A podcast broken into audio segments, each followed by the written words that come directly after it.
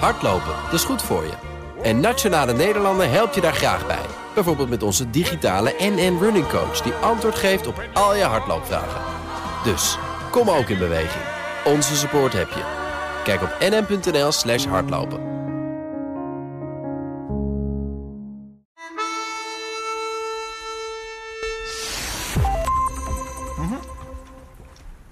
Welkom bij Space Cowboys. Ik ben het nummer even vergeten, maar dat maakt niet uit. We zitten hier met uh, Luc van der Nabelen. Dag Luc. Hoi. Thijs Roes. Hoi ja. Thijs. Hey, hallo. En mijn naam is Herbert Blankenstein. Waar, waar gaan we het vandaag over hebben? Nou, dat ga ik om te beginnen vragen aan Luc. Luc, wat heb jij? Um, veel maan. Uh, uh, op de maan, naar de maan, uh, regeltjes om de maan. En daarnaast weer een flinke dosis SpaceX. Want Starship nummer 8 is zo ongeveer klaar om echt te gaan vliegen.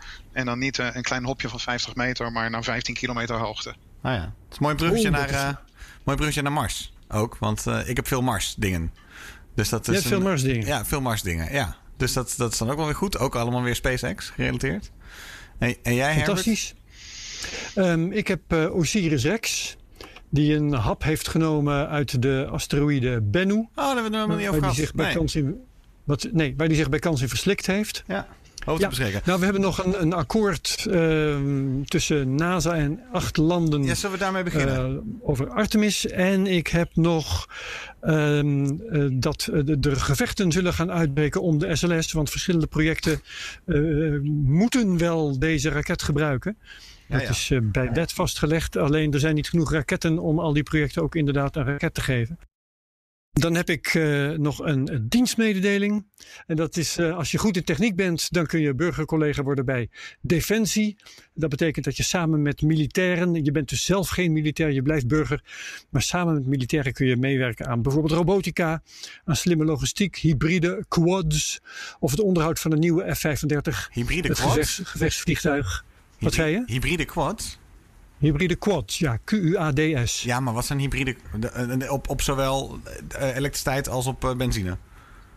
Ik weet het niet eens. Het staat in mijn tekst. en, ja. ja, maar ik ben, toch, ik ben wel geïntegreerd op zich. Ja. Van, ja, van hybride weet ik niet beter of het gaat inderdaad over brandstof uh, de, uh, plus elektra.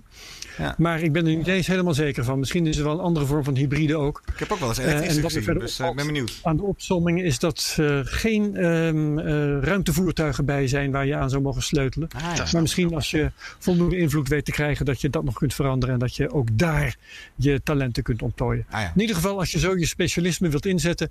Dan kan dat. Dan moet je naar werkenbijdefensie.nl slash burgermedewerker. Wat wil jij zeggen, Thijs? Uh, nou, ik wilde met, het wet, uh, met, het wet, uh, met die wet beginnen. Dat, ehm, dat akkoord. Ja, dat leek, me, dat leek me een goede. Ja, ja nou, vertel maar. Of, of zal ik daarover beginnen? Ja, graag. Ja, ja. Nou ja, het komt er in het kort op, neer dat acht landen een akkoord hebben bereikt op de, het initiatief van NASA een akkoord dat uh, moet reguleren hoe de exploratie van de maan in zijn werk zal gaan.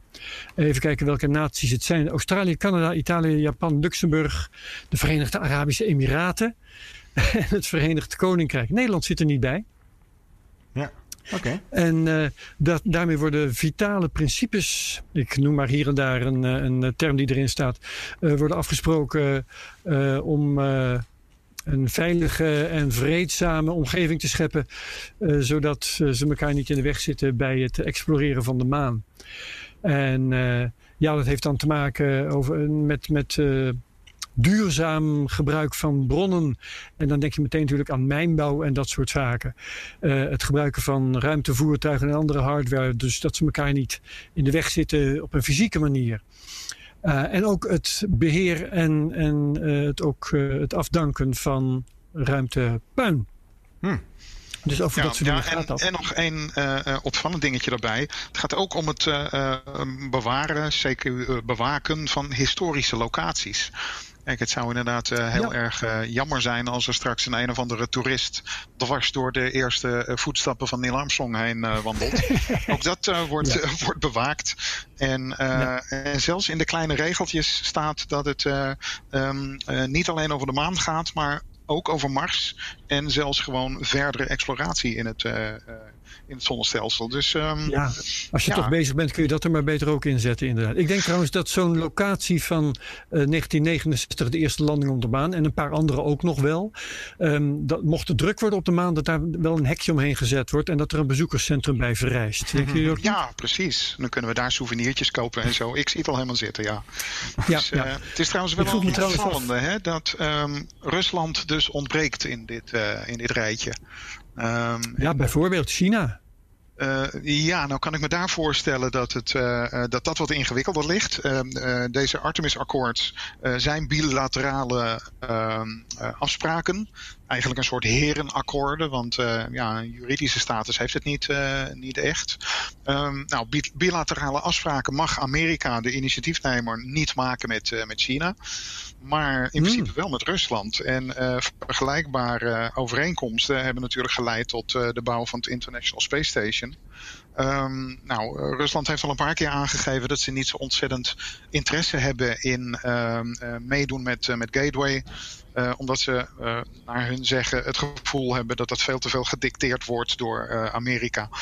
Nou, vandaar dat ze dus kennelijk ook niet uh, aan, uh, aan deze akkoorden willen meewerken. Ja, zo zag het er ook wel ja. uit, hè? Als je de presentatie zag van het, uh, ja, van het akkoord, dan was het ook wel heel duidelijk. Kijk, Amerika stapt voorop met dit mooie programma en iedereen tekent bij. En toen, ik, het, het, het plaatje was voor mij ook heel erg van, oh, Amerika doet iets en iedereen, ja, doet, doet nu daaraan mee. Maar ik, ik, ik vond het voor de optics, om het zo maar te noemen, ook snap, ja. ik, snap ik Rusland wel, ja.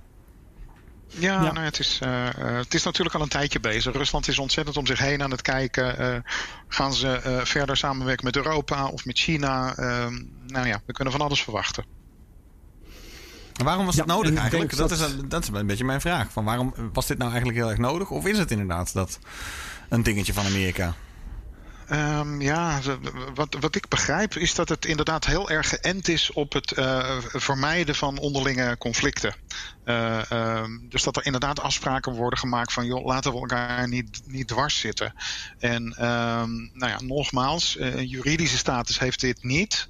Uh, hmm. Het is niet zo dat straks uh, uh, Amerika boetes gaat uitdelen als iemand zich niet aan de, aan de regels houdt. En het wordt natuurlijk uh, behoorlijk ingewikkeld als er straks inderdaad uh, naar boven worden gehaald door een bepaald land. Ja, van wie zijn ze dan eigenlijk? Um, dus ik, ik denk dat dit een, uh, een leuke aanzet is naar een, een veel dikker document dan dit huidige van 15 pagina's. Om straks echt zakelijke dingen te moeten, te moeten gaan regelen. Want ja, dat zal wel een keertje moeten gebeuren, denk ik. Nee. Ik heb het nog even voorgelegd aan uh, Tanja Masson, onze nationale ruimtevaartjurist. En die zei van dit is inderdaad geen officieel verdrag. Het is ook geen uh, wet of iets dergelijks. Het is te vergelijken met wat landen wel eens met elkaar ondertekenen. Eigenlijk voordat ze tot echte overeenkomsten komen. Namelijk een Memorandum of Understanding. Ja. Ja, een soort preliminary is het Engelse woord, een voorbereidende overeenkomst, waarna ze pas echt afspraken gaan maken. Dus dat is ongeveer ja, de status die het heeft. Een soort intentieverklaring, uh, kan je het, uh, kan je het Dat is het, dat is een goede, ja, ja, ja, ja, mooi Nederlands woord. Ja, hmm. inderdaad. Hey, zullen we het, nu we het toch over de maan en delfstof hebben, even hebben over um, de, het water dat op de maan is aangetroffen. Dat is ook wel een interessant verhaal. Ja, ja, ja precies. En uh, de, de Jij manier had een hoop maan, Luc. Ja, ja het, uh, de manier waarop het ontdekt is, is ook wel een, uh, een opvallende. Uh, het is niet van een sonde op de maan of een, een telescoop of een ruimtevaartuig wat rondjes om onze hemelbuur draait. Maar gewoon vanuit een aangepaste Boeing 747 waar NASA een telescoop in heeft gezet. Nou, op zich natuurlijk heel opvallend nieuws. Water op de maan. zeker de plekken waar het gevonden is. Het gaat namelijk om uh, plekken die uh, ja, zeg maar midden in het maanschijfje zitten, uh, gezien vanaf de aarde. Um, dat er water was, dan in de vorm van ijs op de Zuidpool van de maan, dat is al een tijdje bekend. Vandaar dat NASA ook een grote voorkeur heeft om bemande missies daar te laten landen. Ja. Maar dit is dus een zonbeschenen deel. Dat is wel Precies. En je moet je nu ook niet voorstellen dat je een, een schop in het maanstof zet en dat je gelijk een plasje water te pakken hebt. Het is ehm, nou echt moleculair water. Het zit tussen het stof. En je moet je voorstellen dat de gebieden waar dat water zit, altijd nog honderd keer droger zijn dan de Sahara-woestijn. Ja, dus, dat las ik ehm, ook. Ja. Nou, je, je kan er niet gelijk uh, gaan, uh, gaan tappen. Niettemin is het heel interessant. Wetenschappelijk, omdat ze niet helemaal begrijpen hoe dat water daar kan zitten onder die omstandigheden. Aan de andere kant, ja, als er ehm, een manier wordt, wordt ontwikkeld om dat zeg maar te gaan oogsten ja, dan heb je natuurlijk uh, des te meer uh, aanleiding om uh, maanbasis over een veel grotere regio op, op de maan te kunnen gaan, te gaan verspreiden. Um, ja, nou, maar dat geef ik je te doen. Hè? Als het honderd keer zo droog is als de Sahara, dan is dat niet echt een winbare hoeveelheid. Nee, je kan er niet echt iets mee, hè? Nee, nee, nou ja, dat, wat dat betreft is het uh, um, dan inderdaad een beetje gek dat het als zulk gigantisch nieuws werd gepresenteerd. En het werd al helemaal aangekondigd van uh, oké, we, we hebben iets heel bijzonders over, uh, over de maan. Mhm. Daar lijken toch een beetje, um, nou ja, zeg maar financieel politieke aspecten achter te zitten. Um, ja. Die telescoop aan boord van een Boeing 747, die Sophia heet, die heeft het geheel ontdekt. En juist die Sophia-telescoop zou in de NASA-budgetten van volgend jaar niet meer terugkomen. Het ding zou niet meer gefinancierd worden. Dus het is natuurlijk wel. is het ding in dat vliegtuig dus? Ja, ja precies. Inderdaad. Er gaat er zo'n grote deur aan de hmm. zijkant van, uh, van die 747 open. En dan kunnen ze korte, korte periodes heel geavanceerd gebruik maken van die telescoop. Um, dus ja, het, het, noemen van een succes dankzij dit apparaat kan misschien weer helpen om een, een budget wat op te vijzelen. Ja. En verder, ja, uh, Slim, ik weet, ja, um, bovendien was het niet echt een. Uh, uh, wat, wat, Herbert al zei, van je kan, het, je kan met dat water niet, niet echt iets. Dus het was ook een beetje een soort van. Ja, we hebben watermoleculen gevonden. Daar lijkt het eigenlijk op. Maar ja, ook, ook, wetenschappelijk gezien is het niet eens het, het allergrootste nieuws misschien. Nou, het wetenschappelijk interessante trouwens, dat weet ik dan wel. Dat was dat tot nu toe waren er wel allerlei vermoedens van water. En die waren erop gebaseerd dat ze konden waarnemen dat er OH-groepen um, ergens aanwezig waren, nou, op de maan dus. Mm -hmm. En die OH-groepen, ja, die zitten natuurlijk in watermoleculen, vandaar dat het water zou kunnen zijn. Maar die zitten ook in andere dingen. Nou ja, nu zat er een stof als alcohol, zit ook een OH-groep in, maar ik weet niet of het, maar dat, ja. dat soort dingen. Maar nu hebben ze kunnen aantonen dat het ook echt water moet zijn. En dat is uh, voor het eerst. Hm. En dan wil ik eigenlijk aan, aan jullie vragen of een van jullie weet hoe eigenlijk die waarneming technisch in zijn werk is gegaan. Want we, we zeggen tegen elkaar het is een telescoop. Maar wat doet die op wat voor golflengte kijkt die telescoop? Hoe hoog vloog dat vliegtuig? Weet een van jullie daar iets van? Nou. Um, het, het, het, vliegt op uh, nou ja, zeg maar normale hoogte, dus ergens tussen de 7 en de 10 kilometer. En ik kan ja. me niet anders uh, voorstellen dat ze een, uh, een spectrum ergens van hebben getrokken en dit hebben, ja. hebben geïdentificeerd. Kijk, wat, wat bij mij dan nog een beetje op de achtergrond speelt, is van, nou ja, nu hebben ze het gevonden op bepaalde plekken. Als we nog eventjes doorzoeken, vinden ze misschien wel grotere hoeveelheden nog op andere plekken. En dan wordt het natuurlijk wel interessant. Ja. Het is een, infra infrarood telescoop, hè? dus de I SOFIA. staat voor in infrared astronomy. Ik weet, niet, ik weet niet wat er in het infrarode spectrum te vinden is. maar dat, uh... nou ja, spectrale lijnen die, uh, die ja, um, ja. niet anders kunnen zijn dan van water. Dan dat kun je dan wel makkelijk zeggen. Ja. Nee, ik ben, er, ik ben er wat dat betreft niet dieper dan dat ingedoken. Uh, weet niet, ik weet wat dat betreft ook nee, inderdaad vrij weinig van spectrografie uh, in, in het infrarode spectrum. jij wel? Heel goed. weet jij iets? Nee. Nee. Um, nou, uh, Thijs, ja. jij, jij mag een onderwerp inbrengen. Nou, wat leuk. De, de, de, ik, ik, um, ik, ik, hoorde al iets over wetten op, op de maan. Als, als onderdeel van het Artemis-programma. Um, maar nu kwam er ook uit van SpaceX, eigenlijk uit de koker van Elon Musk, weer een een grappige ontwikkeling daarin. In de, in, er is de, de, de, de beta van Starlink is live. Hebben we het daar al over gehad? Ja. Daar hebben we het nog niet over gehad. Maar de beta Vandaag van, niet. Nee, de, de- beta van Starlink die is, eh, die doet het. Ehm, dus, eh, dus dat eigenlijk Starlink wordt ve- steeds verder uitgerold.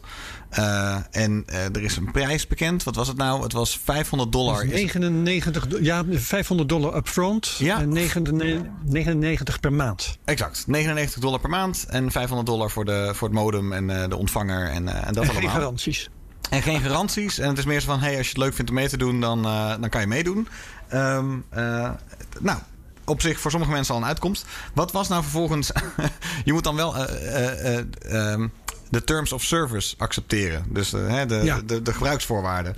En nummer 9 Ja. gaat over governing law. En het is het leukste misschien als ik gewoon even helemaal voorlees. Eh, het, Ja. het is een alinea. Hij gaat eerst over de maan, eh, over de aarde en de, de services bij de aarde en de maan. En daarna komt Mars. Komt hij, hè? 9. governing law. For services provided to on or orbit, orbit around the planet Earth or Moon, these terms and disputes between us are arising out of these related or to these terms, ja, heel juridisch allemaal, including disputes regarding arbitrarily disputes will be governed by and construed in accordance with the laws of the state of California in the United States. Tot zover duidelijk. Eh, als het over de aarde of de maan gaat, moet je eh, Ja. in Californië zijn bij de wet. Um, for services provided on Mars or in transit to Mars via Starship or other colonization spacecraft, the parties recognize Mars as a free planet and that no Earth based government has authority or sovereignty over Martian activities. Accordingly, disputes will be settled through self governing principles established in good faith at Ja. the time of Martian settle- settlement. dus een onafhankelijkheidsverklaring. Ja, het is een, on- ja, het is een on- precies. Het is een onafhankelijkheidsverklaring voor eh, iedereen die naar Mars gaat. Ja, nou, dat dan is moet je voor hoogdravend. Ja, hoogdravend. Ja, nou, en praktisch, hè? Het is eigenlijk heel, het is, een- het is eigenlijk een heel praktisch eh, document. Het is van, oké, nou, als je naar Mars gaat, dan moet je, wat Herbert zegt, het zelf uitzoeken. Bij de overheid op Mars wezen. Ja, ja. Nou, ik vond het heel mooi, omdat het dus ook, als je het koppelt aan eigenlijk alle science fiction eh, die er ooit geschreven is over Mars. Dan eh, wordt daar zo ontzettend veel over gedroomd. Hè, van hoe zou zo'n Mars een samenleving zich, zichzelf kunnen besturen? Gaat dat dan goed? Ehm, Kim Stanley Ja. Robinson, hè, die heeft eh, die, die Mars Trilogy erover geschreven. Volgens mij, Ja. daar gaat het, het hele verhaal gaat er ongeveer om dat het eerst vanuit een soort Verenigde, Na- Verenigde Naties-achtige entiteit hè, opgezet zou zijn. Vanuit een soort overheidswezen door alle mensen. En dat langzaam zo'n kolonie steeds meer een eigen karakter krijgt. Net als dat Ja, hè, de Amerikaanse kolonies dat hebben gekregen. Of eigenlijk alle, alle kolonies eh, overal op een gegeven moment zelfstandig willen zijn. En ik, het voelt alsof Elon Musk nu eigenlijk al gewoon even een shortcut neemt. Naar, ja, nou, hij heeft op bepaalde manieren de overheden al ingehaald. Eh, dus hij ziet ook wel ergens misschien een bui hangen. Dat hij ook met SpaceX de eerste gaat zijn die eh, een deuk in Ja. pak boter slaat. Ja. Dus eh, ik, ja, het is hoogdravend, maar het is, het is zo hoogdravend, maar ook het, ja, ook wel weer ja, vet. Gewoon. Ik vermoed dat Elon Musk ehm, heeft gehoopt dat dit niet opgemerkt zou worden. En dat hij dan over een jaar of zo had kunnen zeggen van... joh, daar teken je al een jaar voor. Ja, Al 2 miljoen is mensen zich mee ja. akkoord verklaard. ja. Jezus, ja, Ja. is dat zeggen? Nou ja, misschien, misschien Ja. maakt het de boel Heel inderdaad wel eh, een stuk overzichtelijker en simpeler. Want nou ja, goed, eh, jaren geleden waren er al mensen die zich afvroegen van ja, dat International Space Station, een hele hoop naties eh, doen dat samen. Mhm. Maar wat gebeurt er nou als er een Japanner met een Russische moersleutel in het Europese deel een Amerikaanse hersens inslaat? Onder Ja, welke wet ja, valt die dan? precies. Nou ja, dit, dit maakt dat een stuk overzichtelijker. Dat is, dat is heel duidelijk. Ja, Oh, het is ook, leuk. ook in mij transit to Mars. ook hè? Sorry, ja. Dat ehm, als, als ergens een kolonie ontstaat, eh, er wordt een tijd lang wordt die bestuurd vanuit het moederland. Ja. Dat is inderdaad in de Verenigde Staten is dat gebeurd, vanuit Engeland natuurlijk. Het is ook gebeurd bij de kruistochten bijvoorbeeld. Hè, dat, eh, op een gegeven moment was er een kolonie van christenen in, eh, in het, het Heilige Land. En geleidelijk aan groeit dat uit elkaar en ontstaat er een aparte cultuur eh, in de kolonie. Ja. Ja, en die gaat zich dan op een dag eh, onafhankelijk verklaren. Dat is onvermijdelijk. Ja, precies, precies. Nou ja, je kan het dus ook al van tevoren doen. Dat, het, Ja, het, het is wel grappig.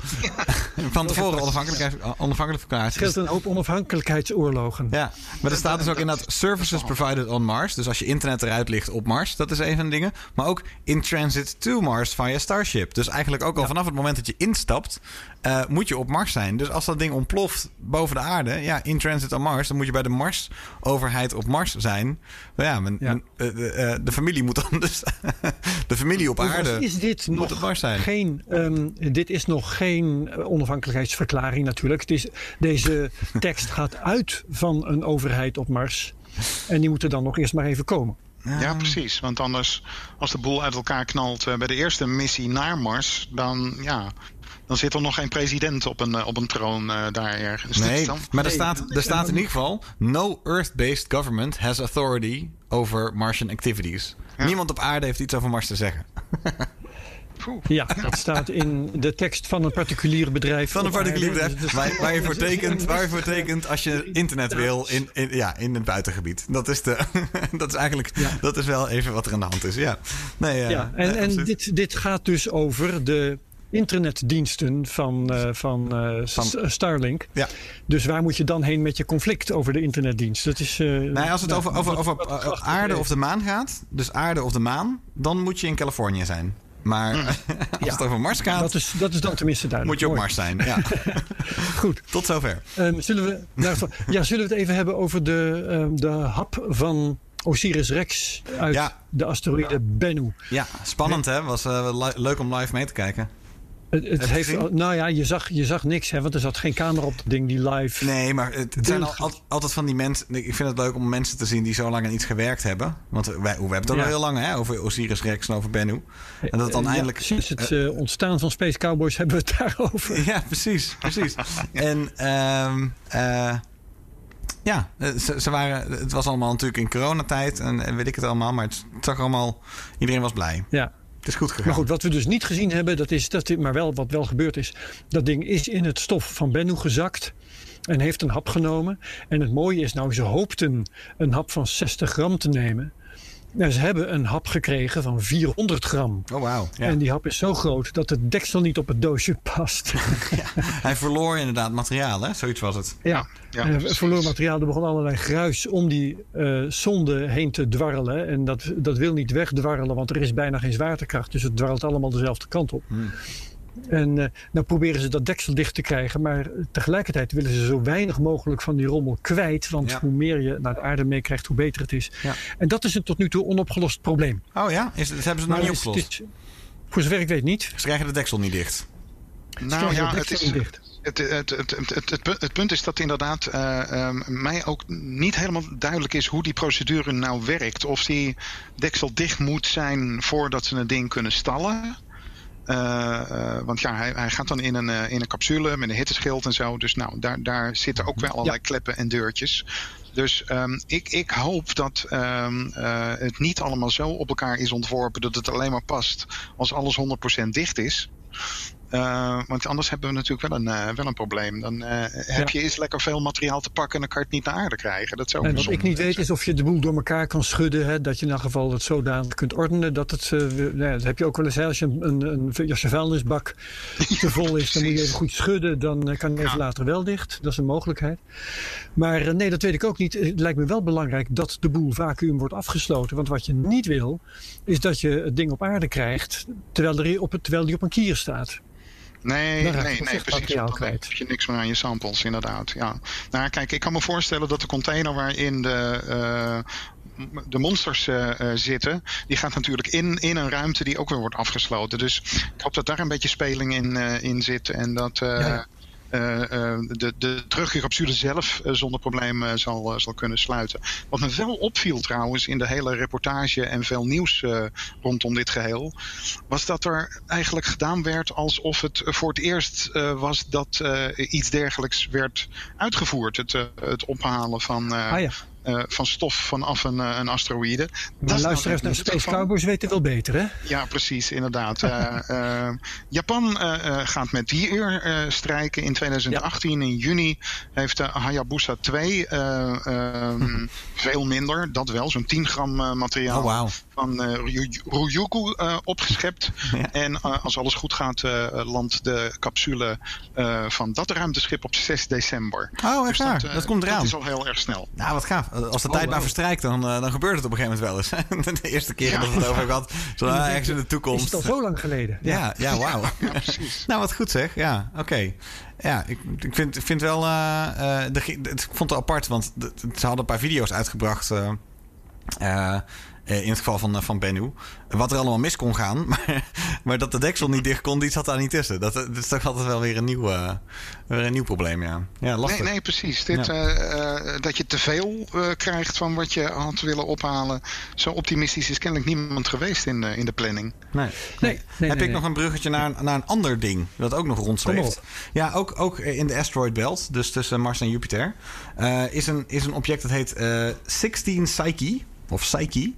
Uh, daar, wil oh, NASA, daar wil NASA ook een, uh, een, een, een, een, een expeditie naartoe doen. Maar alleen niet om een, voor een sample return of zo. Het gaat meer om gewoon een, iets omheen te laten draaien, een zonde. Ja, de naam is Psyche. Hè? Uh, Psyche. Jij spreekt het Amerikaans oh, ja, sorry, maar ja. als ik zeg Psyche, dan begrijpen mensen beter hoe je het schrijft. 16 Psyche, ja. Een hele rare naam. Maar psyche. Het ding, zijn claim to fame is uh, meervoudig. Maar, um, en waarom die vandaag, deze twee weken in nieuws was, is omdat Hubble, Hubble uh, er een hele mooie foto van genomen heeft. Van het ding. Het is een heel apart ding. Hij is helemaal van metaal. Voornamelijk van nikkel en ijzer, als ik me niet vergis. Even kijken hoor. Um, ja, nik, nikkel en ijzer. En daarom ziet het ding ook best wel apart uit. En als je dan kijkt hoeveel nikkel en hoeveel ijzer dat is, alles bij elkaar, dan is dat ding dus zoveel waard dat, het, dat die meer waard is dan uh, onze totale wereldeconomie. Dus dat is ook wel grappig. dat, ja, dus, Oké, laat Musk het niet horen zeggen. ja, precies. Nee, precies. Dus ja, als er al eens een keer uh, de plannen waren om een asteroïde gewoon uh, in een soort lasso te vangen en mee, mee te nemen. Dan uh, nou, zou misschien NASA dat ook kunnen doen. En dan uh, lekker langzaam op aarde te laten zakken. Ja, ja precies. precies. Ja, kleine hapjes uit te kunnen nemen om er dan iPhones van te maken. Dat is dan de... ja, ja. ja Dit is wel zo. Even, even los van de technische, die technische problemen. Als je dat zou doen, dan zou je ook een economisch probleem hebben. Want dan zou mm -hmm. die grondstof, dus in dit geval nikkel... zou op slag niks meer waard zijn. Nou, prima toch? de overvloed die je opeens hebt. Ja, supergoed. Laat, laat, laat ons alle grondstoffen maar in overvloed hebben. Dan kunnen we eindelijk eens een keer gewoon allemaal in hangmatten gaan liggen. Dat is ook weer waar. Ja, ja, ja, ja, dat ja. Is, ja. Wel. Nou ja, zo moeten we misschien dan ook uh, de kern van Jupiter uh, eens een keertje gaan oogsten. Verhalen zijn dat. Uh, in ieder geval de theorie is dat dat een gigantische diamant zou kunnen, kunnen zijn, de kern van die planeet. Dus, nou ja, ik dacht metallisch waterstof, heb ik ook wel eens gehoord. Oh, ja, volgens mij zit, zit dat er dan weer omheen en de, de kern is dan een, een diamant. Nou ja, goed, we hebben toch geen enkele ring awesome. waarop dat ding zou passen. Dus, uh, Kim Kardashian. Ja. Die, uh, die kan, die, die, oh, die, hebben we toch een kandidaat. Ja, ja, precies. We zitten allemaal een beetje in de James Bond mode. Zolang ja, precies. al die rijkdommen. Uh, ja. Trouwens, uh, die 16 psyche, of 16 psyche, hoe je hem ook wel uit, uitspreken. als het goed is, zou die in 2022, augustus 2020, de lucht in moeten gaan bovenop een Falcon Heavy. SpaceX Falcon. Je bedoelt de missie daar naartoe? De missie daar naartoe, ja. Dat, uh, de, de, ja oh ja, precies zo. Ja, ja. ik weet niet wat de naam van de missie is, maar de NASA Psyche is, is NASA Psycho ja, Mission naar Psycho. Ja. Nou, spannend. Ja, wel een interessante, zeker. Oké, okay, zal ik dan overgaan nu naar de, eh, de missie naar Europa? Oh, is er, Want, is er iets? Uh, ja. Nou ja, de, de Clipper-missie. En dus niet dat daar speciaal nieuws over is. Hmm. Maar uh, wat uh, aan het licht kwam deze week, dat haalde ik dan van space.com. Dat is dat er gevochten gaat worden om de SLS-raket. Want die is natuurlijk uh, nodig, althans die zal gebruikt worden voor de, het Artemis-project. Maar tegelijkertijd blijkt in Amerika wettelijk te zijn vastgelegd door het congres dat die ook gebruikt moet worden voor de missie naar Europa. Die heet de Clipper-missie. Oh man. Hmm. En het probleem is dat daar gewoon uh, in de, het tijdsbestek dat daarvoor nodig is, of dat daarvoor voorgeschreven is, dat er niet genoeg van die SLS-raketten zijn. Nee, hij doet het er niet. Dat is dus een beetje pijnlijk. Uh, we hebben die SLS-raket meer besproken hier. Hè, die, uh, nou ja, ja. alles te laat en te duur en zo. Um, maar er is nu vraag naar een x-aantal SLS-raketten die er gewoon niet zijn op de vereiste termijn. Jezus. En dat is, uh, nou ja, grappig op zijn best en tragisch op zijn slechtst. Ja, zeker ja, omdat het ja, om, om de Europa-missie gaat. Die gewoon hartstikke belangrijk is om erachter te komen of we alleen zijn in het universum of niet. Ja, fantastisch. De, de, ijs, de ijsmaan van Jupiter is het, hè? Ja, ja, en dan blijft het hangen op zoiets stupide politieks. Wat er, wat er heel vaak gebeurt is dat congresleden die lobbyen dus voor hun eigen staat om een bepaalde klus binnen te krijgen. Dus die contracten die zitten helemaal vol met allemaal. Ehm, ja, met allemaal deeltjes met, met individuele congresleden. En dan krijg je dus zo'n zo'n wanstaltig politiek compromis. dat dan dus vervolgens in de weg ligt van heel belangrijk werk. Oh man. Dus kan het dan zijn dat er. Ik bedoel, je kan die wet natuurlijk ook weer veranderen. Je zegt er komt een gevecht. Wat, wat, uh, ja. wat, wat, nee, wat voorzie je? Dat is een open vraag. Nee, dat, nou, ik, wat, um, wat, wat voorzie ik? Ja. Um, ja, Kijk, uh, zo'n congreslid kan op een gegeven moment kiezen of delen. Hè. Die, die heeft dan misschien dit wel binnengehaald. Maar uh, ja, uh, uit deze rekensom komt gewoon dat er bepaalde dingen gewoon niet gaan gebeuren.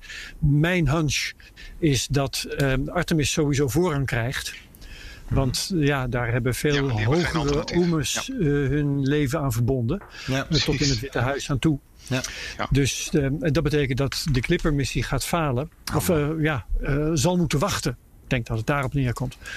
En uh, ja, dan kan zo'n congreslid, uh, als hij daar tenminste nog wat over te zeggen wil hebben, die kan kiezen of delen. Ja. Uh, die raket die gaat toch niet gebouwd worden, dus dan kun je die Clipper-missie net zo goed op een andere raket zetten. Ja. Nou, ik weet niet hoe dat dan in de, in de politiek van de Verenigde Staten gaat uitpakken.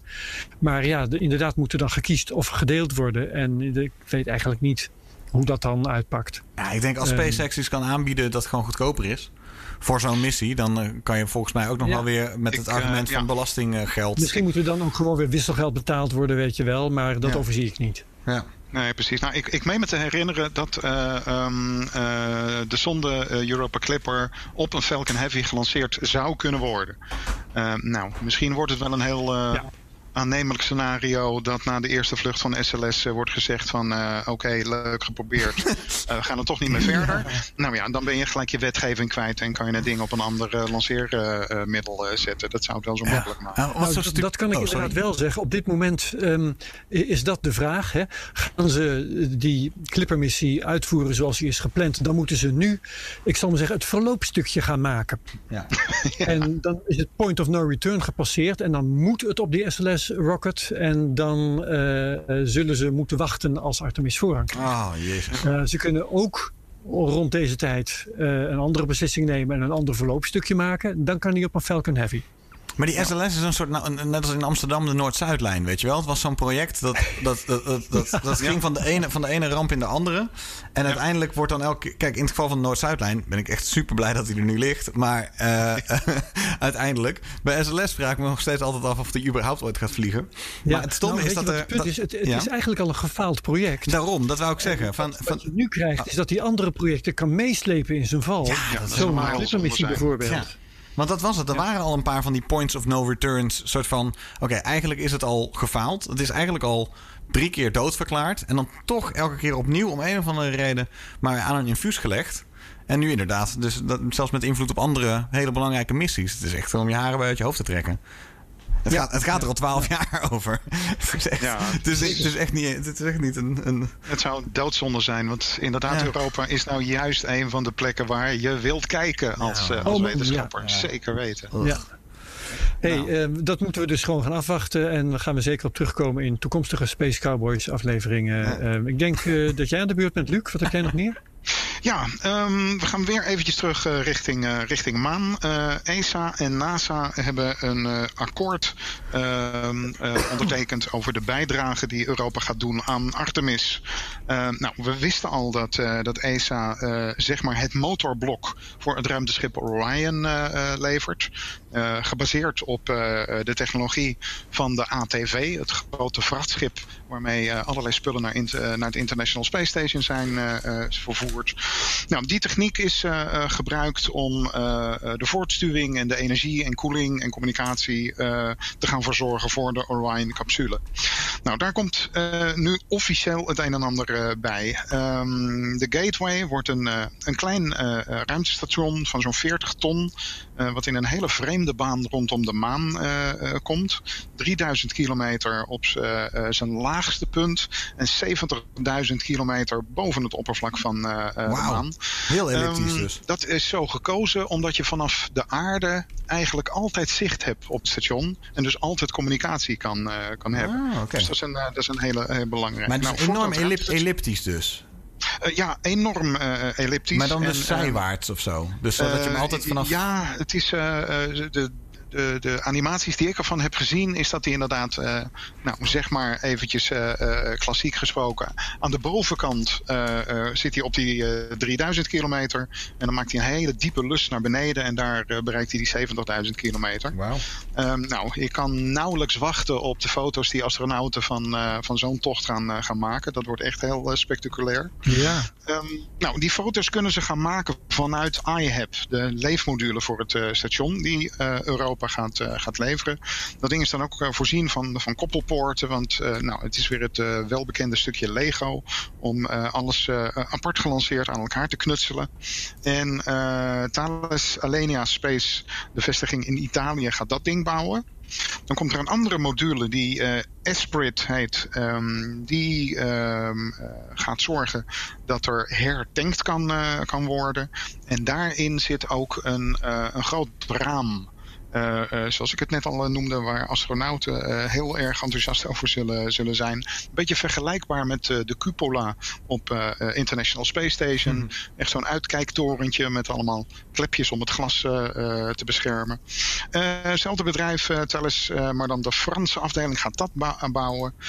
En daarbij, en dat is misschien wel het interessantste, gaat ESA ook drie vluchten met astronauten leveren. Oftewel, um, uh, drie uh, Europese astronauten kunnen te gast zijn aan boord van een Orion om naar Gateway uh, te vliegen. Nou, dan is de letterlijke stap naar een Europese astronaut op de maan natuurlijk niet heel erg ver meer. Mm -hmm. En ehm, ik denk dat uh, daar binnenkort dus een, een hele hoop enthousiaste kandidaat-astronauten gaan reageren op de volgende advertentie van, uh, van ESA om nieuwe astronauten te, te werven. Want tussen dat groepje zou wel eens de eerste Europeaan op de maan kunnen, kunnen zijn. Ah, dus wow, um, ja. het, wordt, uh, het komt allemaal dichter, dichterbij, zo, zo langzamerhand. Ja. Het begint handen en voeten te krijgen kanttekening is van ja, hier speelt dus die SLS een, uh, uh, een sleutelrol. Nee. Als dat ding niet, uh, niet vliegt, dan, ja, dan Weer SLS. heel gaat nu, worden nagedacht. Het gaat nu elk verhaal eindigen, is, eindigen in, maar hij moet wel op een SLS omhoog.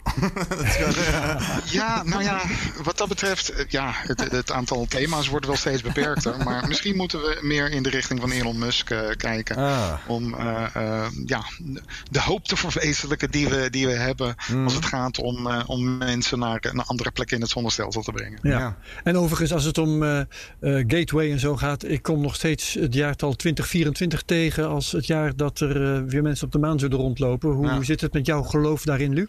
Uh, nul. Uh, zeker zo, omdat ja. er uh, um, ook al wordt genoemd. Um, dat de ontwikkeling van de maanlander, wie dat dan ook gaan doen, want er zijn drie kandidaten in, in de Op een running. open vraag, ja.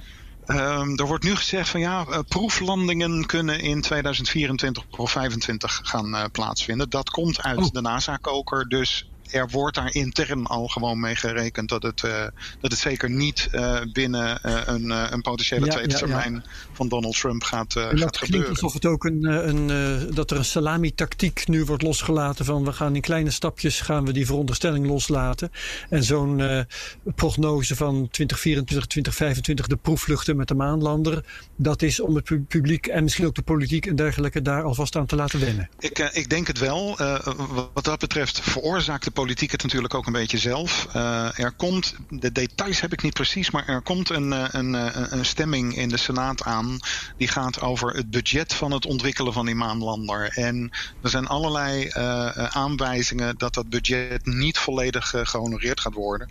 Ja, en dan betekent het van ja, als het geld er niet is, moet je langzamer werken. En dan schuift die datum van de, van de eerstvolgende landing dood gewoon op. Hmm. Het is Haal je het niet, dan werk je maar wat langzamer. Uh, precies, ja, zo is de paradox uh, uh, geformuleerd, ja. Maar Ja, is het... heel mooi. Ik bedoel, dit gaat een hele domme vraag zijn, maar is het... Mooi. Nou, ik zit er gewoon elke keer te denken, oké, in 1969 konden we ook naar de maan. We zijn inmiddels 50 jaar verder. Is het nog steeds echt zo moeilijk om naar de maan te gaan? Ja, ja, absoluut. Nou Maar ja, het is waarom dan? duur. Het is, het, is, het is enorm duur. Um, en er is Uh, en ik kan me niet anders voorstellen dat dat ook weer politieke redenen uh, zijn gekozen om die gekke tussenstap van die gateway uh, te pakken. Dat had niet gehoeven. Ja, ja. Uh, sterker nog, er is een uh, periode van, ik geloof, drie kwart jaar geweest. dat NASA ervan uitging van, nou, voor de eerste landing gaan we dat in ieder geval uh, niet via de gateway doen. maar doen we gewoon lekker rechtstreeks. Ja. Nou, dat zou betekenen dat je het een en ander wat eenvoudiger zou kunnen aanvliegen, letterlijk. Misschien wat, met een wat eenvoudiger en kleiner landingsvaartuig. Maar uiteindelijk is daar niet voor, voor gekozen. Ik, ik kan me wel voorstellen. Um, dat men natuurlijk wil voorkomen dat dat dubbel opgewerkt gaat worden. Dat je eerst een kleine lander bouwt en vervolgens uh, een, een opgevoerde versie, uh, zeg maar. Mm -hmm. Maar um, ja, in, in, in, principe is naar de maan vliegen eenvoudig. Het is alleen maar hard gas geven en op tijd remmen. maar um, uh, ja, je hebt wel te maken met navigeren in de buurt van de maan. En dat schijnt een totaal ander uh, verhaal te zijn dan uh, rondjes op 400 kilometer rond onze eigen planeet ja, dat draaien. kan me iets van voorstellen. Want het ja. bizarre is natuurlijk dat je je hebt, de, je hebt die orbit van, van het ruimstation zelf rondom de maan. Die maan die draait volgens ook nog om de aarde heen. Het, het lijkt me gewoon best wel een. Dan heb je misschien ook nog wel andere rare tugs van alle andere uh, hemellichamen. die, al, die op, op, over de jaren ook nog misschien hele rare kleine dingetjes kunnen veranderen. Dus ja. dat kan me voorstellen. Maar het, wat, ik, wat ik eigenlijk van begrijp is. Uh, NASA wilde om een of andere reden heel graag een soort permanenter permanentere plek rondom de maan hebben. In plaats van dus opnieuw een soort tikkie spelen met de maan. Ja. Niet alleen maar laten zien van. Oké, okay, tikkie, we zijn er. Maar dus een, een, soort, bijna een soort verticaal geïntegreerd of meer gestandaardiseerde manier om de rest van de ruimte in te kunnen. Dat is het. Dus dan is de aanloop, Nou, ook, is de aanloop ook langer. Zeker om uh, zeg maar het Apollo-effect uh, niet nog een keertje te gaan doen. Ja. Van, uh, je kan niet nog dat een keer de eerste het doel zijn. is op de maan te landen. En als die vlag er eenmaal staat, ja, dan zijn we eigenlijk klaar. Weer Ja. te vertrekken. Ja. Precies. Ja, maar om, eh, om de eh, antwoorden even samen te vatten. Thij- Thijs, jij vraagt waarom, waarom is het nou, nou zo moeilijk? Het leek toen zo eenvoudig. Ja. Relatief gesproken dan. Hè. Er zijn een paar dingen aan de hand. Eh, het is in de eerste plaats duur. En ehm, het, eh, aangezien het prestigeverhaal er op dit moment niet is, is duur toch echt wel een probleem. Mhm. Dan zegt eh, Luc terecht, eh, er is gekozen voor die gateway. Dat maakt het eigenlijk onnodig moeilijk. En dan zeg ik ook nog, eh, er is nu, het is nu een internationaal project. Betekent dat je allerlei vormen van overleg nodig hebt. Die er niet waren toen de VS het nog als een solo-project deed in eh, de jaren 60. ja, klopt Dat speelt ook mee, denk ik. Ja, ja zeker. En eh, kijk, dat is eh, eh, zo. Ja, je kan het. Dat aspect beschouwen als eh, eh, een sterkte en een zwakte. Het maakt het ontzettend ingewikkeld en daardoor zal het zeker langzamer gaan. Aan de andere meer kant momentum. Heb je, eh, ja, je hebt natuurlijk wel zoiets van eh, als het intern op een gegeven moment een probleem eh, gaat worden. als het Witte Huis op een gegeven moment zegt van ja, maar nou gaat het te veel geld kosten. Dan heeft NASA natuurlijk zo'n heel sterk argument van ja, maar wij zitten aan internationale verdragen vast. Ja, dus ja. we moeten wel. En Ja. dan, dan heb je een soort veiligheid in, ingebouwd. Dus ja, was het, maar, was het maar niet zo duur, dan eh, eh, was het een stuk eenvoudiger. Wordt vast goed. Nou ja, Elon Musk maakt het goedkoper voor ons. Ja, dat precies. is dan weer een eh, hoop die we kunnen koesteren. Ja. Laten we het hopen, ja. Wie heeft er nog een onderwerp? Ja, nou, als we het dan toch wel even Elon Musk hebben. Ik heb nog een kleintje. Hij, eh, eh, hij was eh, twee weken geleden bij een online conferentie van de Mars Society. En dat is interessant, want maar, eh, dat is leuk dat, dat hij bij de Mars Society zit. Want dat gebeurt niet zo heel vaak. Maar eh, dat is wel de club waar hij ooit eigenlijk is begonnen met zijn hele eh, Marsplan. Wat- was nou ook alweer het oorspronkelijke? De biografie, in die biografie wordt dat omschreven. Ehm, dat ze oorspronkelijk muizen, een soort muizenexperiment wilden sturen. naar Mars. En dan moesten die muizen zichzelf ook nog voortplanten. Dat, was ooit, dat, dat idee heeft hij ooit bij de Mars Society opgedaan.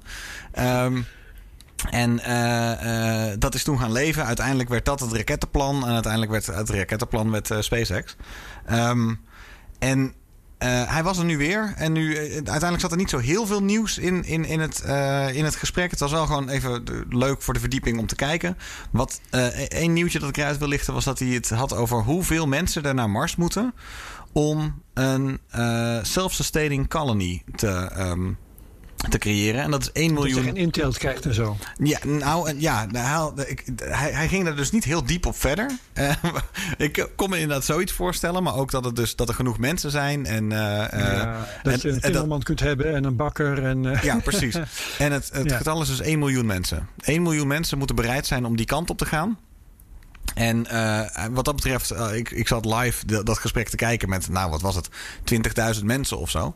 Waardoor ik op zo'n moment dan weer echt denk van ja, nou ja, als hij het over 1 miljoen mensen heeft, hey, als je het erover hebt, je vindt ze wel, maar het, het, is ook niet alsof natuurlijk de hele wereldbevolking hier de hele tijd mee bezig is. Uh, met, hoe, met, hoe gaan we naar, met hoe gaan we naar Mars. Um, ik vond het wel, wat, ik, wat, ik er heel, wat een heel slim principe was, dat Elon Musk, Elon Musk altijd fijn om naar te luisteren als het gaat over soort van algemene principes in het leven of in zakelijk leven of wat dan ook. Hij had het over dat het. Um, ze hadden zichzelf een doel gesteld met SpaceX en dat begrensde uiteindelijk en, en, en definieerde heel erg wat dan uiteindelijk het, um, het plan moet zijn. Want je kan wel zeggen, ik ga naar Mars. Maar ja, uh, ja wat, wat ga je er dan doen? Inderdaad, is het tikkie spelen en weer weg?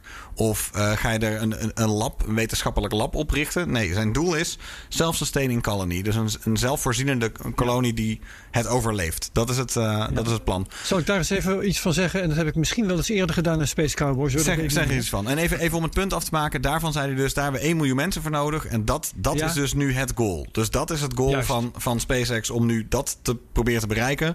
Maar hij zat een beetje met zijn handen in het haar van hoe we dat in godsnaam gaan doen. Precies, want reken even met me mee. In, die, um, in zo'n Starship kunnen 100 mensen. Dus dan heb je er 100.000 nodig. Dus dan heb je 10.000 uh, Starships nodig om een miljoen mensen daar te krijgen. 10.000, een jaar telt uh, 365 dagen. Laten we even gemakshalve zeggen 333. Dat betekent dat um, dat is 30 jaar lang elke dag één Starship lanceren vol mensen. Dan ja. heb je een miljoen mensen op Mars. Tenzij je ze op Mars zich laat voortplanten. Of je lanceert dus er tien, daar... tien per dag.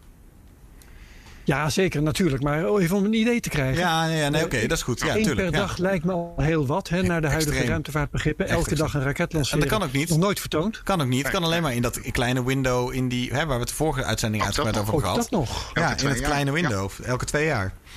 Ja, dus dan betekent dan heb ik de cijfers even niet paraat, maar dat je het nog wel met een paar factoren mag vermenigvuldigen. Dus je hebt makkelijk een eeuw nodig een om eeuw. zover te komen. Ja. En ik dacht echt gewoon, uh, dit, dit gaan we gewoon fixen in de jaren 30, jongens. Dat is gewoon. Uh, ja, als ik Ja. oud en gelukkig ben, dan zit ik reality shows van Mars te kijken. Dat, dat dacht ik, maar nee. Ja, ja, nee. Ja. Dat, dat, nee, maar dat ik had intussen tenzij. En die tenzij is als je Ja? daar tien mensen neerzet en je laat ze zich flink vermenigvuldigen, dan hoef je er niemand meer te brengen. Oh, dat is natuurlijk ook gewoon, ja. Je moet daar gewoon eigenlijk alle katholieken met grote gezinnen heen sturen. Ja, nou ja, Nee, oké, ja. katholieken of, of gereformeerden. Er zijn wel meer religies die grote gezinnen produceren hoor, moslims. Dus eh, dat het is ook een beetje- eh, het- als, als ze maar religieus zijn, hè, dat is dan waarschijnlijk een vereiste. Het is een beetje het einde van uh, Dr. Strangelove, hè? die film. Uh, Dr. Strangelove or How I Stopped Worrying and Loved the Bomb. Uh, de- uiteindelijk Ja. is daar het einde ook na een nucleaire oorlog. Komen alle mannen...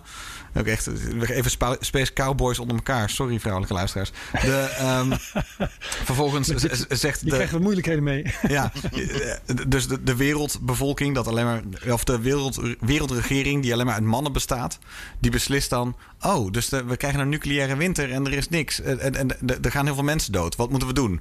Nou, ik denk dat we met allemaal vrouwen in grotten ons moeten gaan herpopuleren.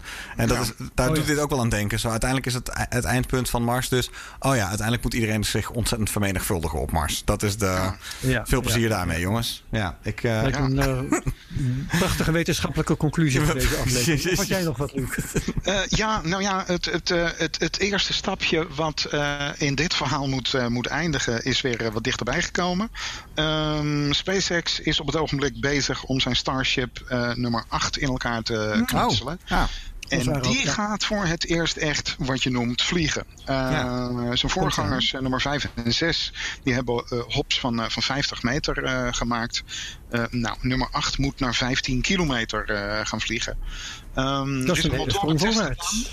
Eh, met, met drie motoren in plaats van de één. Eh, eh, zoals die eh, bij de eerste vluchten is geweest. Die motorentest is goed gegaan. Dat was aanleiding om de neuskegel erop te zetten. Ehm, nou, intussen zijn twee van die motoren weer vervangen, dus er zullen meer motorentests uh, nodig zijn. Maar dan lijkt het uh, ja, nu toch een kwestie van een paar weken voordat zo'n echte proefvlucht gaat, gaat plaatsvinden. Het is natuurlijk een enorme stap van 50 meter naar 15 kilometer. En wat nog het meest spannende wordt, wordt inderdaad de manier van landing. Uh, dit apparaat gaat een stukje rondvliegen. Uh, gaat daarvoor zijn, uh, zijn grote vinnen, die er aan de zijkanten van het apparaat zijn gemonteerd, gebruiken om van stand, van richting te veranderen. En ja, de, wat in diverse animaties al uh, een hele angstaanjagende bellyflop manoeuvre wordt, wordt genoemd. Met je neus naar beneden vliegen. Vervolgens tijdens de vlucht 180 graden draaien, je motoren aansteken Zo. en netjes op je staart landen. dat wordt een gigantische uitdaging voor, voor dit apparaat. Dus, um, ja, dat zijn echt al vingeroefeningen voor een ruimtevlucht, hè, als ik jou zo hoor. Ja, precies. Dit, nou ja, stap hierna is naar 40 kilometer vliegen. En de stap daarna is naar uh, een baan om de aarde gaan vliegen. Iets waarvan Musk zegt dat dat volgend jaar gaat, uh, gaat gebeuren. Ja, je uh, bijna nou, Gelukkig zijn er allemaal hele enthousiaste mensen vergelijkbaar met ons. Die in, de, in de buurt van, van Boca Chica tegen de grens met Mexico wonen. Die daar camera's op hebben gericht. Dus ja. uh, binnenkort wordt het een, een visueel uh, spektakel. En hopen dat het ding niet in een, uh, in een, grote krater in de, woestijn gaat, gaan eindigen. Maar weer netjes op een, op een betonnen platform. Met, ja. als, als dat gebeurt, als hij in een grote krater eindigt. dan kan ik me de montere tweets van Elon Musk meteen al voorstellen. Van, nou ja, veel van geleerd. Veel van geleerd, precies. precies. We weten wat we nu Goeie data. De, volg, de, volgende keer anders moeten doen. Ja. Goeie data. Dus, maar het is precies wat jij zegt, Luc. Dus veel mensen zijn ermee bezig om perfect in kaart te brengen wat er uh, elke keer gebeurt en waar het, uh, hoe ver Starship is in de ontwikkeling. Uh, dus je kan ook per. SN hè, staat voor serial number. serial ja. number 8, 19, et cetera. 19, 11, 12, 13, zelfs 14. Daar zijn al onderdelen van gespot op, op, op de plek waar het gebouwd wordt. Dus terwijl SN 8 wordt ontwikkeld, zie je dus heel. Um, ja, ze zijn echt aan het experimenteren. Je ziet de nieuwe raketten al gebouwd worden, die dus veel later pas uh, gaan, gaan vliegen. En zelfs, ja. moet, als ik het allemaal goed begrijp, daar hebben we het ook wel eerder wel eens over gehad. We, we hebben het nu elke keer, als we het over Starship hebben, alleen over het bovenste gedeelte. Hè? Ja, over de, over de, de tweede trap. De het eerste, kleinste stukje van het, het kleinste stukje. Want de Super Heavy Booster, die is ook in ontwikkeling. Uh, die moet ook getest worden. Ook, en die is ook al gespot. Dus die, ligt, die ja, zijn, zijn ook al onderdelen van. Ja, zijn ook al onderdelen van. In aanbouw. Dus, dus op dit moment. Uh, uh, uh, er gebeurt er de hele tijd overal wel iets. Dus voor de, voor de nerds als wij is er wel de hele tijd wel iets ergens te besnuffelen, te, te, te ontdekken. Want het gaat. Elke week is er wel gewoon weer een nieuwe ontwikkeling. Dus het is echt heel Precies. tof om te zien. Ja, ja, ja inderdaad. Eigenlijk, bij, dat is bij al die andere uh, ruimtevaartorganisaties natuurlijk ook zo. Alleen die, daar staan geen camera's op. Dat, dat is gewoon het enige verschil. Ja, precies. Nou, niet, ja. het enige, niet het enige verschil. Maar laat, laten we wel ja. zeggen dat als je dan zo nu en dan een lancering van elders ziet, is dat echt elke keer ontzettend knullig en, en, en, en moeilijk toegankelijk of slechte kwaliteit. Laatst was er wel. Het is een beetje helemaal in de staart van de uitzending. Maar ik ben even de naam van, dat, van, van die andere privé-lanceerder kwijt. Op dat eiland. Er is nog zo'n andere ergens in de grote oceaan. Die, die hadden laatst ook een hele mooie live-uitzending van hun. Um, je bedoelt niet Blue Origin? Niet Blue Origin, die ander. Help me even. Mm, dat nee, is ik aan het doen, ik maar... Nou. ik even niet wat je, wat je bedoelt. Dan, eind, dan eindigen we op een teaser. Ja, er, is, er, zijn, er zijn steeds meer van die ja. kleine raketontwerpers. Hè? En uh, eentje, ja, eentje zit op zo'n prachtige cliff met zo'n prachtige lanceerbasis. Cliff kijkt uit over de oceaan. Nee, zegt helemaal niks. Je doet ook niet Copenhagen Suborbitals? Want, uh, nee, Nieuw-Zeeland. Was het niet Nieuw-Zeeland? Ik denk dat jij Electron uh, bedoelt. Ik denk dat ik Electron bedoel. Bedoel ik Electron? Ah. Rocket Lab. Rocket Lab. Ja, Rocket ja Lab, precies. die met probeer ik. Rocket Lab okay. met de Electron. Uh, die hadden ja, ook, daar hebben we het niet over gehad. Die hebben wel een lancering gehad en dat zag er ook goed uit. Ik weet niet of die doorgegaan is, maar daar, daar, die, die probeerden het aan te kleden op dezelfde manier als SpaceX. Dus dan dacht ik van, oh ja, misschien dat, dat, er, dat het wel een trend heeft gezet dat het allemaal iets meer open zou kunnen worden en iets nou beter ja, verzorgd. Ik, ik, uh, ik, hoop dan dat Blue Origin daar vooral naar, uh, naar, naar luistert. Ja, daar horen we nu heel weinig van. Overigens nog wel uh, een dertiende vlucht van hun uh, New Shepard raket gedaan. Die, ja. Je weet het wel, zo'n recht op en neer retourtje. Ja. Um, dat brengen ze ook, doen ze allemaal live, prachtig in beeld. Maar wat er met hun grote raket de New Glenn aan de hand is, daar weten we helemaal niks van. We hebben, geloof ik, iets van een jaar geleden een stuk van de neuskegel uh, gezien. En verder wordt alles angstvallig geheim uh, gehouden binnen een enorme hangar die ze in Florida ja. hebben, hebben gebouwd. Oh, dus wow. ja. ook dat is nog weer, uh, weer zo'n dingetje, ja, strikt geheim. En we komen pas naar buiten als alles klaar is. Dus, ja, ja, ja, als ze iets te melden hebben waar ze trots op zijn, dan noemen ze het wel. Dus weten, ja. dat betekent waarschijnlijk dat het omgekeerde aan de hand is. Zou zomaar kunnen, ja. Ja, ja, ja. Oké. Nou. Laatste ronde. Ja. Ik heb er nog eentje. Oh, goed zo. Uh, de ja. eerste operationele uh, Crew Dragon gaat op uh, 14 november uh, van start. Dat is wel 10 voor 1 Nederlandse tijd op 15 november. vier astronauten, drie van de NASA, eentje van JAXA, het Japanse ruimtevaartagentschap. Um, nou, zoals gezegd, voor het eerst operationeel, lange missie. Ze komen pas in april Want de vorige 2021 met die, twee terug. man, dat was een test. wat zei je? Die vorige met die twee man, hè, die eerste ever, uh, die uh, man, uh, manschappen naar het ruimtestation bracht, dat was een test. Ja, precies. Dat Dat was de, beta, zo gezegd. de, de, de tweede demonstration mission, zoals die werd, werd aangeduid. relatief kort. de eerste echte. Ja, ja, precies. Die zijn relatief kort gebleven, twee, twee maandjes. nou, deze vier astronauten gaan zich voegen bij de drie die al op ISS aanwezig zijn. Daarmee komt de bemanning van ISS voor het eerst op, op zeven personen uh, terecht. Oh. En um, nou, er zit ook nog een, een hele onbeduidende first uh, in. Het is uh, voor het eerst dat er vier mensen in een capsule worden gelanceerd. Ah. Hmm. Een ca capsule, anders dan ja. een space shuttle dus. Hè? Precies, Want er zaten er inderdaad. voor de echte nerds onder ons. Ja. Nou ja. Ja, ja, ja, ja, Toch een upgrade. Oké, okay. nou prachtig. Kleine upgrade. Goed zo. Nou, dan zijn we er helemaal doorheen. Ik uh, dank jullie allebei, Thijs Roes ja. en uh, Luc van der Nabelen. Jo, graag gedaan. Dit was uh, Space Cowboys. Volgende keer zorg ik weer dat ik het nummer weet. en dat zal over twee weken zijn. ja, gaan we, gaan we weer tellen. Ja, jullie bedankt voor de bijdrage. Luisteraars bedankt voor het luisteren. En tot over twee weken bij Space Cowboys. Groetjes. Bedankt. Dag. Dag. Hoi. Dag. Business Booster. Hey ondernemer, KPN heeft nu Business Boosters. Deals die jouw bedrijf echt vooruit helpen. Zoals nu, zakelijk tv en internet, inclusief narrowcasting... de eerste 9 maanden voor maar 30 euro per maand. Beleef het EK samen met je klanten in de hoogste kwaliteit. Kijk op kpn.com slash businessbooster. Business Booster.